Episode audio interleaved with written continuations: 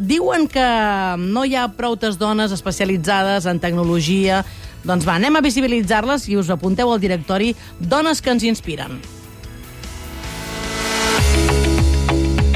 Volem conèixer avui una d'aquestes dones, es diu Marta Vallès, és cofundadora de Botun, és una empresa relacionada amb la cadena de blogs, l'anomenat blockchain, ha estat triada per Forbes com una de les 10 dones executives espanyoles que lideren el sector financer, entre altres distincions. Marta Vallès, hola, benvinguda al Pop-Up. Hola, bona tarda a tothom. Teníem ganes ja de conèixer eh, que últimament s'hagi reconegut la teva feina en més d'una ocasió demostra que el blockchain va per bon camí.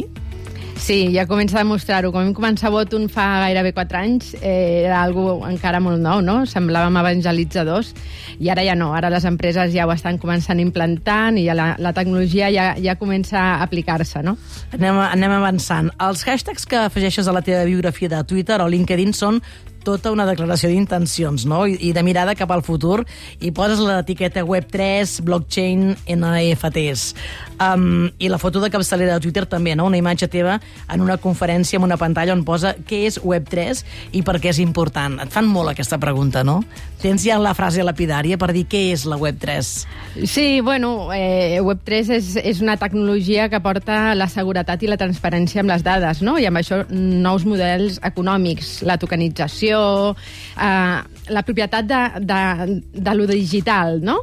eh, fins que no apareix aquesta tecnologia no són propietaris d'una foto digital, d'un arxiu digital. Aquesta tecnologia t'ho permet i a partir d'aquí permet moltes coses, entre ells els NFTs, no? que, que, que és la propietat d'aquestes imatges digitals, d'aquests vídeos digitals, etc. Clar, fins ara tot el digital era com molt efímer, no? I amb el tema dels drets d'autor, per exemple, o amb el tema de la seguretat i aquesta tecnologia, hi aporta aquesta certificació, no? Exacte. Des de Votum oferiu, clar, el blockchain, ho hem explicat aquí diverses vegades al programa, costa d'entendre, no?, que una xarxa descentralitzada, etc etc. però vosaltres, clar, feu una cosa des de Votum que és, és molt interessant, que, eh, clar, oferiu solucions i certificacions de dades a través de la tecnologia, però ja, ja us... O sigui, ja doneu el paquet fet a les empreses, no? Seria una mica el tema? És que, a veure, quan comença una tecnologia nova, lo difícil és implantar-la, no?, per les Clar. empreses, pels usuaris. I quan vam muntar Votum vam pensar, ostres, hem de, hem de, fer, hem de facilitar l'ús de la tecnologia perquè, per, per, per eh, trencar aquestes barreres d'implantacions, no? I vam crear el que seria el WordPress de, de blockchain o de Web3, no? Que qualsevol empresa, consultor, developer, d'una manera molt ràpida i senzilla, sense grans coneixements, eh, pugui crear una solució, no? I això és el que estem fent. I hi ha empreses de qualsevol indústria o sector que, que estan utilitzant la nostra tecnologia, no? Des d'empreses d'alimentació, per certificació d'origen dels aliments, eh, vacunes, tokenització immobiliària, NFTs amb grans marques com Bimbo, Mediapro, Nestlé, eh, estem amb el Banc d'Espanya... Bueno, no pararia, no? Al final, eh, el que demostra és que la tecnologia ja, ja s'està aplicant per, per tothom i que no fa falta estar pensant en què és la tecnologia.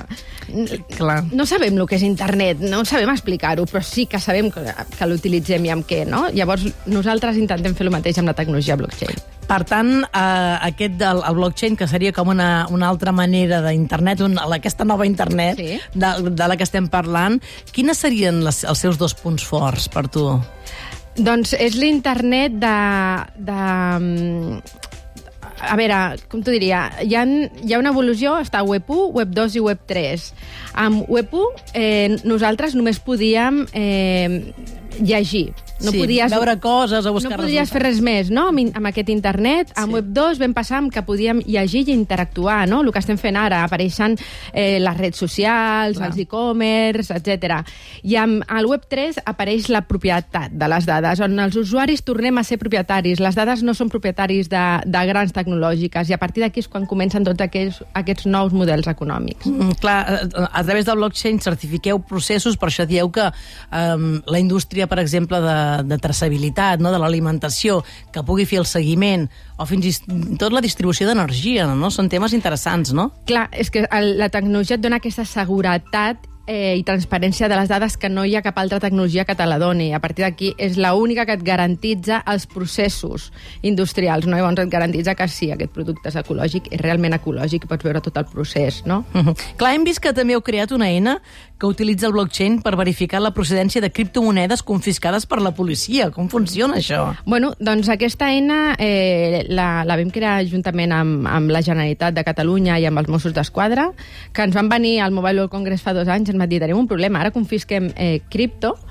i no sabem què fem amb ella, perquè al final ho tens amb un número, amb un bitllet digital i pot desaparèixer, pots fer el que vulguis i ningú s'entera, no?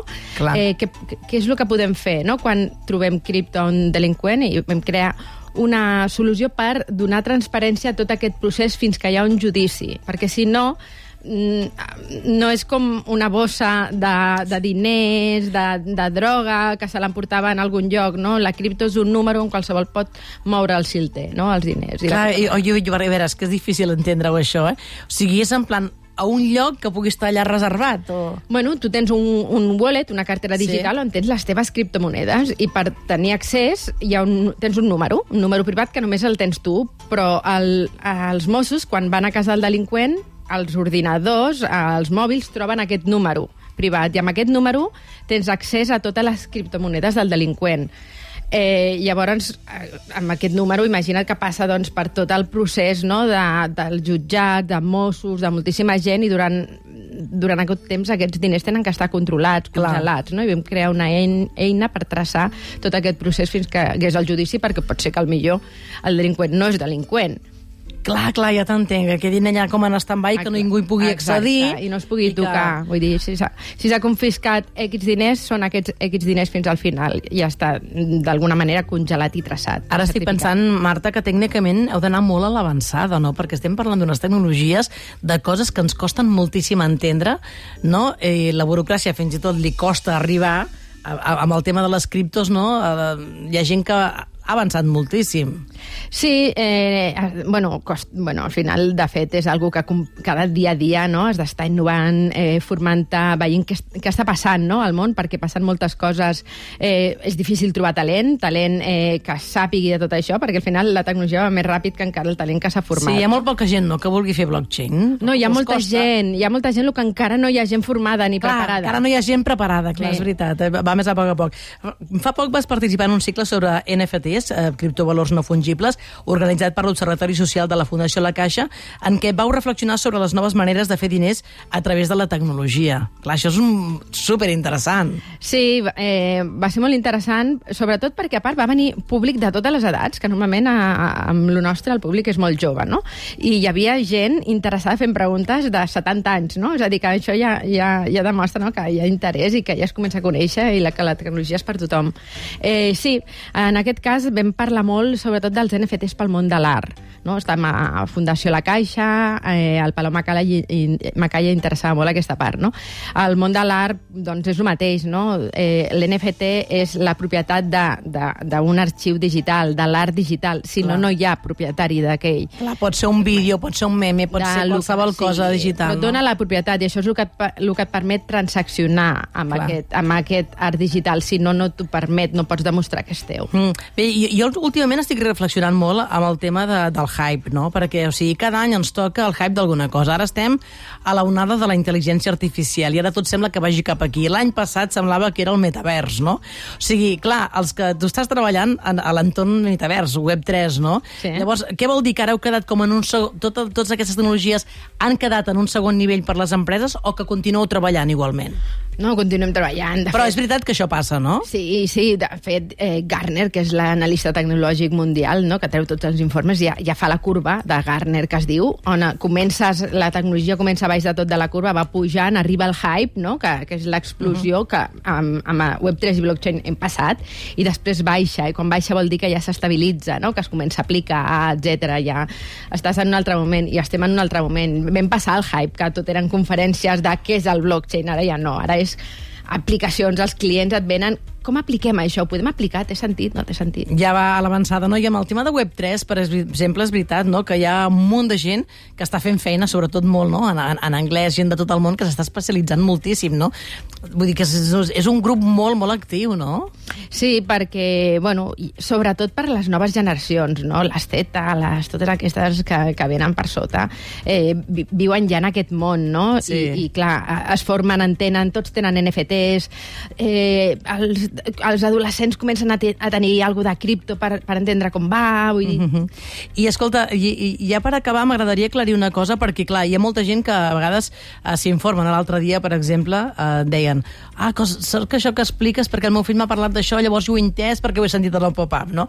Llavors jo dic, o sigui, com podies tranquil·litzar a les famílies que tenen nanos que estan posats amb NFTs, amb criptomonedes, i està com molt demonitzat en el tema de l'especulació, totes aquestes tecnologies, no?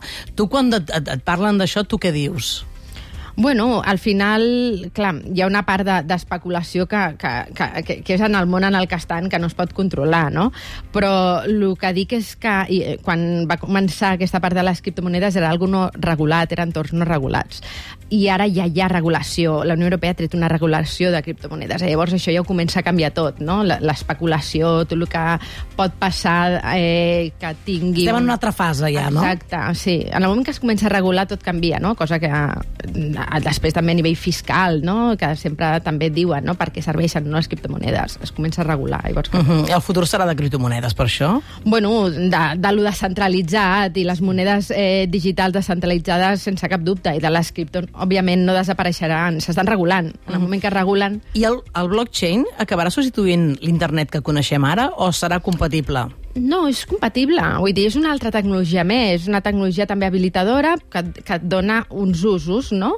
Que, que jo crec que té un potencial tan gran com internet, no? Sobretot el, a, a, molt a nivell econòmic. A nivell, uh -huh. Són nous models econòmics, la tokenització, sobretot, no? Que, que aquí és una gran disrupció que arribarà i que està començant a arribar. Mm. Molt interessant, Marta Vallès. Moltes gràcies per la visita. Gràcies a Ens hem quedat amb uns conceptes i hem de fer una segona lliçó un altre dia.